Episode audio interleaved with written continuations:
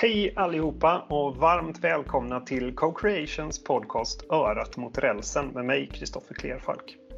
Idag så ska vi få träffa Rickard Bergström. Han blev apotekare, examinerad här i Uppsala 1988. Han jobbade några år på Läkemedelsverket och sen några år på läkemedelsföretag i Schweiz. 2002 kom han hem till Sverige och blev VD för Läkemedelsindustriföreningen, branschorganisationen för de forskande läkemedelsföretagen, förkortat LIF. Eh, där var han i nästan 11 år och eh, därefter så tog han klivet till Bryssel och EFPIA eh, som är den europeiska branschorganisationen för de forskande läkemedelsföretagen. Eh, han har varit med och varit rådgivare åt WHO och varit med i flera statliga utredningar. Och eh, 2020 så fick han ett samtal. Den 14 juni klev han på i rollen som Sveriges vaccinsamordnare. Och nu ser jag faktiskt att jag ska släppa in honom här i mötet. Så att, eh, utan att bli för långrandig så ska vi eh, helt enkelt bara välkomna Rickard. Mm, välkommen in i mötet! Tack så du ha, jättekul att få ja. vara med. Eh, vad roligt att se dig igen. Det var ett tag sedan vi sågs nu. Eh, ja. Jag tänkte egentligen hoppa rakt in i frågan. Hur gick det till när du fick samtalet och frågan om att bli Sveriges vaccinsamordnare? Ja, först, först så fick jag ett eh, e-mail från eh, departementet eh, om, om, om jag kunde prata med socialministern. Eh, har du tid i eftermiddag så eh, gav jag någon tid. Eh, och sen så stod det okänt samtal. Och, och, så att det är okänt samtal. Ja, det är några journalister som är smarta och har okänt. Alltså, använd inte det knepet. Ge bort det knepet här. För okänt, okänt samtal, för då är det ofta en minister som ringer. Eh, eh, så då svarar man. Eh, för säkerhets skull. Nej, och sen så, sen så ja, misstänkte ju att vad det var. Jag trodde att i och för sig att det kanske skulle handla om att man skulle ha någon form av expertgrupp knuten till den här vaccinsamordnaren. Jag hade ju sett Eh, beslutet att man skulle ha en, en vaccinsamordnare och, och hade väl till och med tittat på de där direktiven lite grann.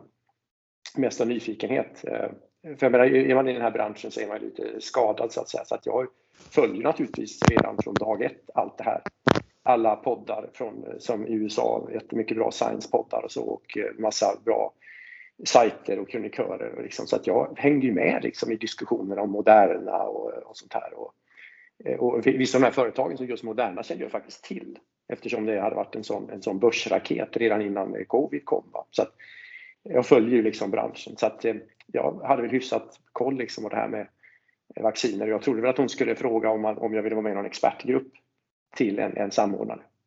Men sen var det ju samordnare som hon ville att jag skulle bli. Eh, eh, och det, så det var ju, det var ju eh, kul. Och det här var ju då i, precis i juni, juni någonstans. Ja. 8 juni kanske något sånt där. Eller ja, något sånt. Sen gick det rätt fort för 14 juni tror jag du, det påades va? Ja, ja just det. Just det. Så då var jag ju, jag var, tog mig hem till, jag bor i Schweiz eh, sen några år tillbaka. Jag var ju här på 90-talet och jobbade i läkemedelsbranschen så vi flyttade tillbaka hit, jag och min familj efter vi var klara i Bryssel. Så vi bor här och jag har ju eh, varit fram och tillbaka några gånger sedan dess till Sverige och det är ju lätt dystopiskt att eh, resa. Jag vet precis hur man ska åka och inte åka och vilka, vilka flygbolag som är att lita på dessa dagar och hur transit är på olika ställen. Men, mm. men jag tog mig hem och träffade då Lena Hallingens kollegor på departementet naturligtvis för att planera det här arbetet. Och och sen hade vi då en presskonferens där jag då blev eh, presenterad och eh, direkt efter plingade det till i telefonen naturligtvis då alla mina gamla vänner och bekanta som jag har i Sverige. Jag känner ju trots allt jättemycket mm. Eh, människor, inklusive dig. Vad, vad, var det första du, du gjorde sen då när du tänkte nu måste jag sätta mig ner här och var angriper jag det här? Liksom? Hur, hur börjar man nysta i det här uppdraget?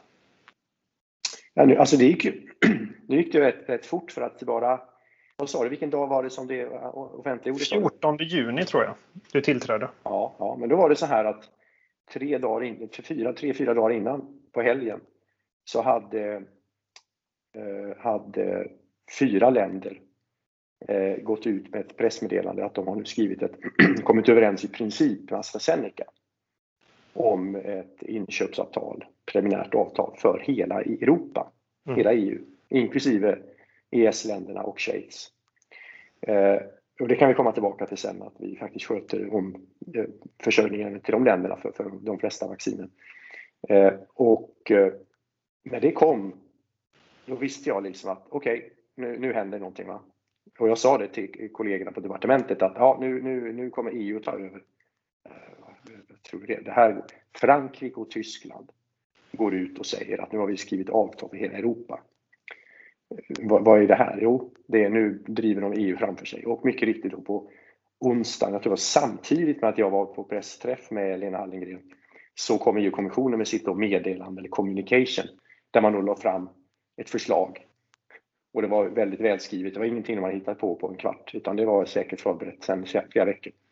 Med att man skulle ha en europeisk strategi, man skulle förhandla gemensamt, du skulle ha en portfölj, du skulle eh, poola riskerna, du skulle hedge the bets, satsa brett så att säga. Och eh, mycket riktigt då dagen efter jag hade blivit utsedd, eller officiellt då, eh, ut, ut, alltså det offentliggjordes, dagen efter, så kom beslutet att EU, EU-kommissionen skulle sköta det här. Så att, så att, och det var faktiskt lustigt för att på morgonen den dagen så fick jag ett textmeddelande från chefen för portugisiska läkemedelsverket som jag kände sedan tidigare eh, som sa Richard, I will see you in the meeting at four. så jag ringde till departementet och sa What's this? Oh, vi, vi har inte hunnit berätta det för dig än men nu, nu kör EU-kommissionen kommer att köra det här så du, du, får köra det här via EU nu. Ja, ja visst, visst, visst. Och sen körde vi. Det var dagen för midsommarafton och sen hade vi möten på midsommarafton halva dagen minns jag. Så det var då det började. Så att jag hade ju inte kommit, jag var helt klart för mig från början att någon form av internationellt samarbete behövdes ju. Och, och eh, eftersom jag bott i Bryssel i många år, jobbat mycket med Europa, så såg jag också att det här är chansen för EU att faktiskt visa vad man går för. För våren var ju inte någon bra eh, PR för, eller bra performance av EU direkt med stängda gränser och problem med skyddsmasker och sådant. Så att det var ju chansen att, att verkligen visa att det här går. Så det var all in, all in.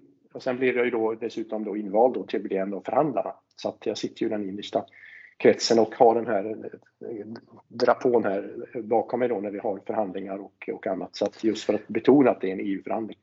Ditt, eh, ditt kontaktnätverk som du har byggt upp under de här åren. Du, du har ju eh, liksom det jag har sett och hört när vi har träffats är att du, du, har ju, du känner ju alla människor. Eh, har, det, har det varit en, en har det, har det varit en tillgång här att du liksom redan känner dem du har förhandlat med på andra sidan bordet så att säga? Ja, men det intressanta är att det är på båda sidorna. Det är nästan så att jag känner fler människor på... på ja, nu är jag ju en betalare, intressant nog, om vi använder mm. de begreppen. Mm. Payer. Eh, och eh, jag känner ju, de känner jag ju lika mycket. Så att, jag, menar, jag nämnde Portugal här, men det var ju hälften, inte hälften, men kanske 10-12 av, av de här representanterna. För det finns ju en representant per land och sen mm. så en inre krets då som förhandlar i den här steering board som heter, jag kände ju liksom 10 pers av dem och det var ju liksom sådana som jag jobbat med tidigare. Chefer, jag har ju regulatorisk bakgrund så att många av de här som är myndighetschefer känner jag ju sedan tidigare och de är väldigt inblandade i det här. Eh, och, och, han som är i Tyskland till exempel, han var chef för deras TLV typ eh, innan. Eh, så att det, det, det, hjälpte ju att, eh, att eh, komma igång väldigt snabbt i och med att jag kände de här personerna. Sen stötte jag ju på då folk på andra sidan som jag känner eh, högt upp. Eh, vi hade ett telefonmöte med Pascal Soriot till exempel, videomöte med Pascal Soriot. VD på... VD på, på, på AstraZeneca och vi satt ju till och med bredvid varandra i många år på EF-BIA styrelsemöten när jag var nere från LIF. Då satt då, eh, han var på Roche då, han var Europachef för mm. Roche. Och det var Roche and Sweden, vi satt bredvid varandra hela tiden.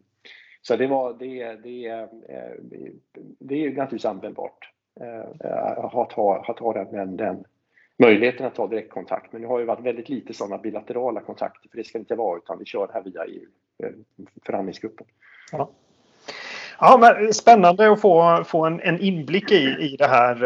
Och det, det, jag tycker ni har varit duktiga på att kommunicera jag tycker det har varit bra uppdateringar och eh, transparent. Liksom. Jag tycker det, det är en, eh, en eloge jag vill skicka över. Så att man, ja, det, det jag, tror, jag, tror, man som svensk känner att man har fått vara med och förstå vad det är som händer. Ja, men så här många eh, doser kommer, det här är vad vi har skrivit på. Det här var, och då, då blir det liksom en, en trygghet i vad som försiggår. Liksom. För vi vill ju alla få vaccinet. Så.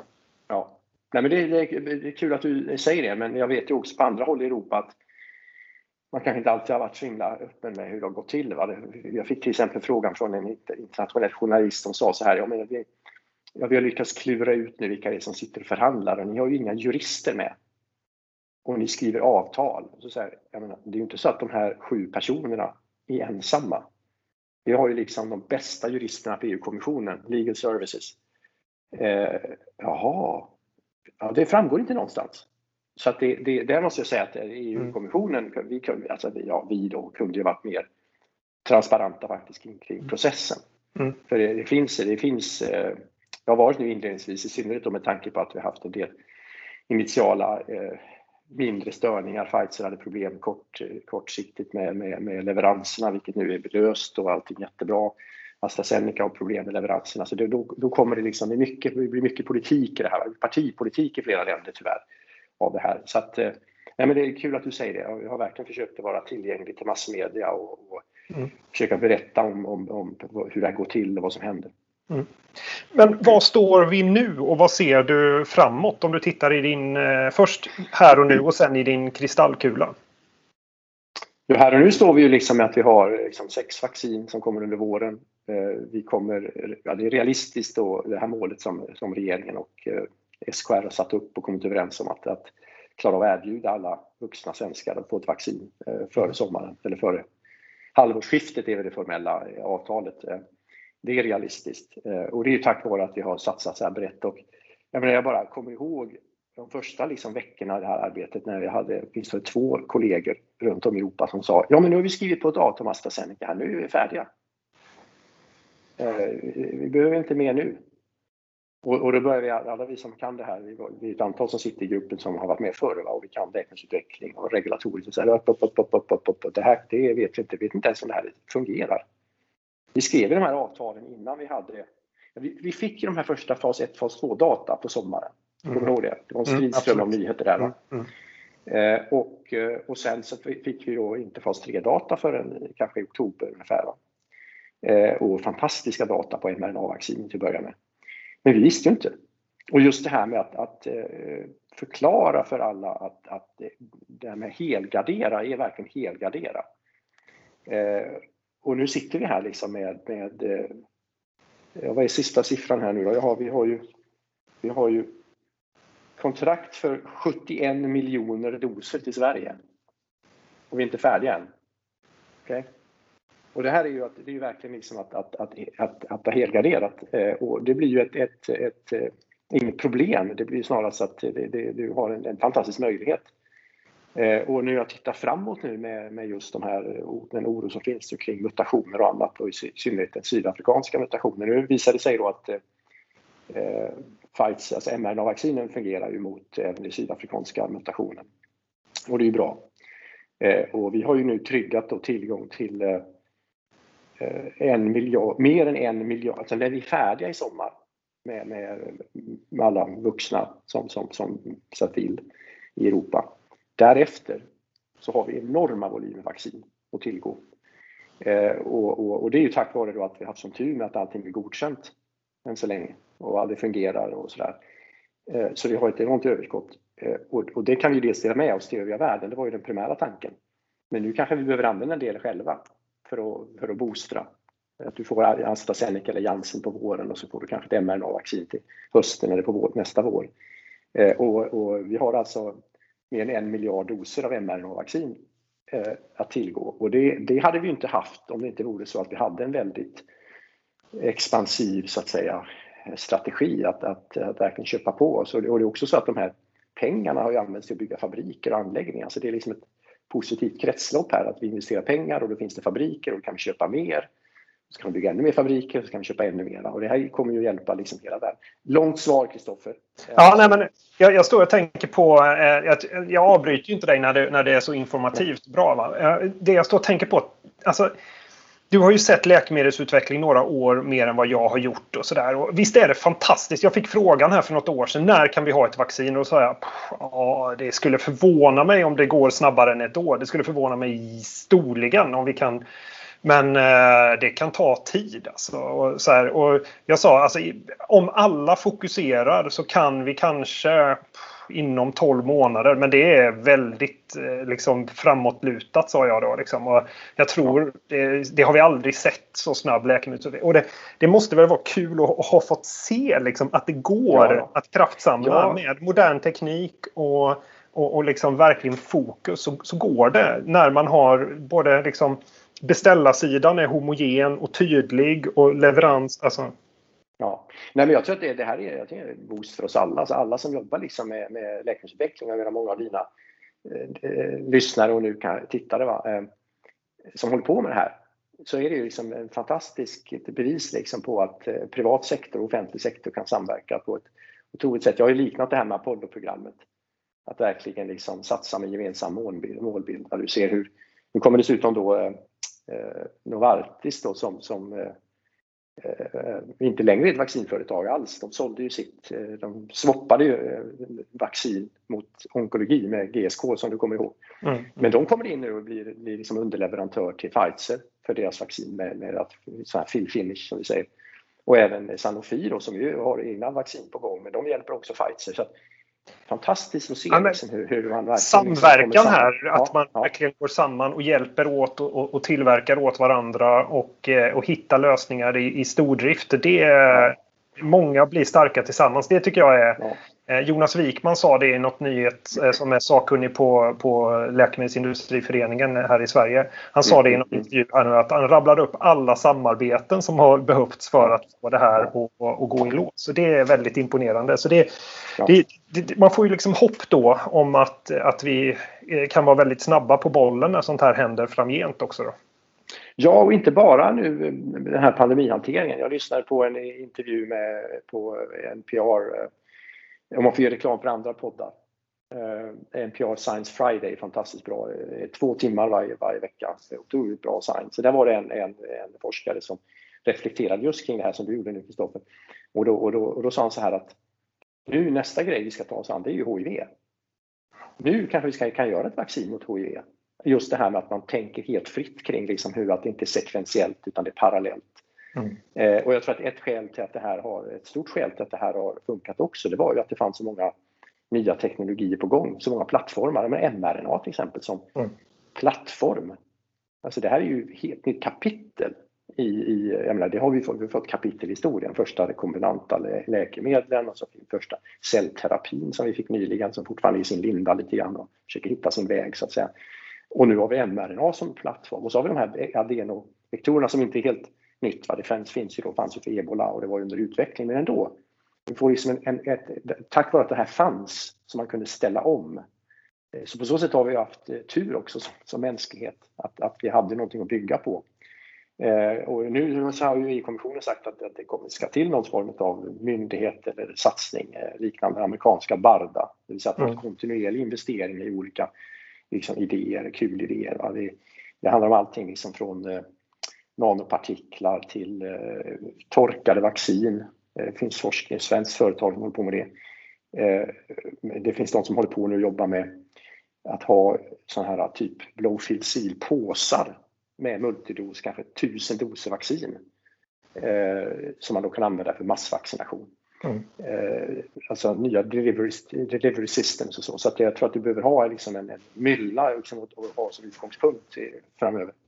Och sen är det också kul att se hur vi har blivit tvungna att lära oss väldigt mycket på kort tid.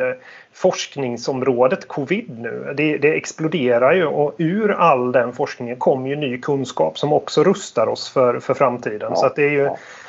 det är ju, det är ju väldigt eh, spännande att följa eh, hur vi, hur vi liksom kan ta oss an ett sånt här globalt hot på, på ett så bra sätt som möjligt. Ja, en, en, annan sak bara, det är lite, lite en tangent kanske, men jag tänkte något annat som, som vi har insett nu, nu när, när vetenskapsjournalistik till exempel är, är tillbaka eh, big time och, och man får prata om vetenskap. Det är också så att nu har ju medborgarna blivit vana vid att och kan acceptera att en expert kan säga jag vet inte. Mm. Eller vi vet inte än. Och att det kommer nya studier som säger att ja, nu Ta nu AstraZenecas vaccin som ju är ett jättebra vaccin. hade de ju otur, oturen kan man säga att komma som nummer tre. Eh, jag menar, om de hade kommit först så vi hade sagt 70% effektivitet och alla sagt halleluja. Mm. Eh, nu kommer de som nummer tre. Eh, och där är det så att, att man då har ju rekommendation att inte då nu inledningsvis, inledningsvis använda det här på de över 65. Det är ju inte för att det inte finns någon effekt över 65. Det, bara det finns ingen kan, data. Det är ingen siffra på det. Det är ingen siffra på det. Va? Nej, och, och, och, och det här liksom med att kommunicera kring osäkerhet. Att ja, nu säger vi det här, men det är klart att om det kommer data eh, från USA på AstraZenecas vaccin kanske om en, två månader som visar att du har en siffra att stoppa in där. Ja, då ändrar man kanske på sina ja, Och det beror inte på att man är någon wishy-washy, att man ändrar uppfattning och liksom velar. Nej, mm. utan det är, det är, baserar man beslut och rekommendationer på vetenskap och evidens. Om det ändras så måste man ändra sig. Och, det, ja. och det, det, tror jag var en hel nyhet för svenska folket inte minst. Att experter som säger att ja, men nu, nu är det andra, nu är det något nytt som gäller. Mm. Eh, så att det kommer väl några goda saker ur, ur, ur, ur allt det här eländet också. Jag har en, en sista fråga eh, innan vi måste springa till nästa möte, Rickard. Och det är ju varför, Rickard, är det viktigt att man vaccinerar sig? Ja, det, är viktigt av, av, av, flera skäl. Dels ska man naturligtvis skydda sig själv. Eh, jag menar, jag har en, en god vän som jag har jobbat mycket med i, ett, i Slovakien. Eh, eh, jag jobbar i myndighet där som 42 år gammal otroligt bright, fantastisk person. Så får jag bara ett textmeddelande från WhatsApp-meddelande här nu förra veckan att han var inlagd på sjukhus för covid. Nu klarar han sig, nu är han ute. Va? En fruktansvärd upplevelse, va? jag pratade med honom. Så att det, det är alltså, dels att skydda sig själv, men, men inte minst så är det att skydda, skydda alla andra. Skydda de som verkligen är, är de äldre och riskgrupperna. Så att det är lätt att inte bara tänka på sig själv här. Jag menar, det är hela poängen med att, att eh, man vaccinerar sig. Eh, det är ju liksom att man, man på något sätt ser det i det stora hela.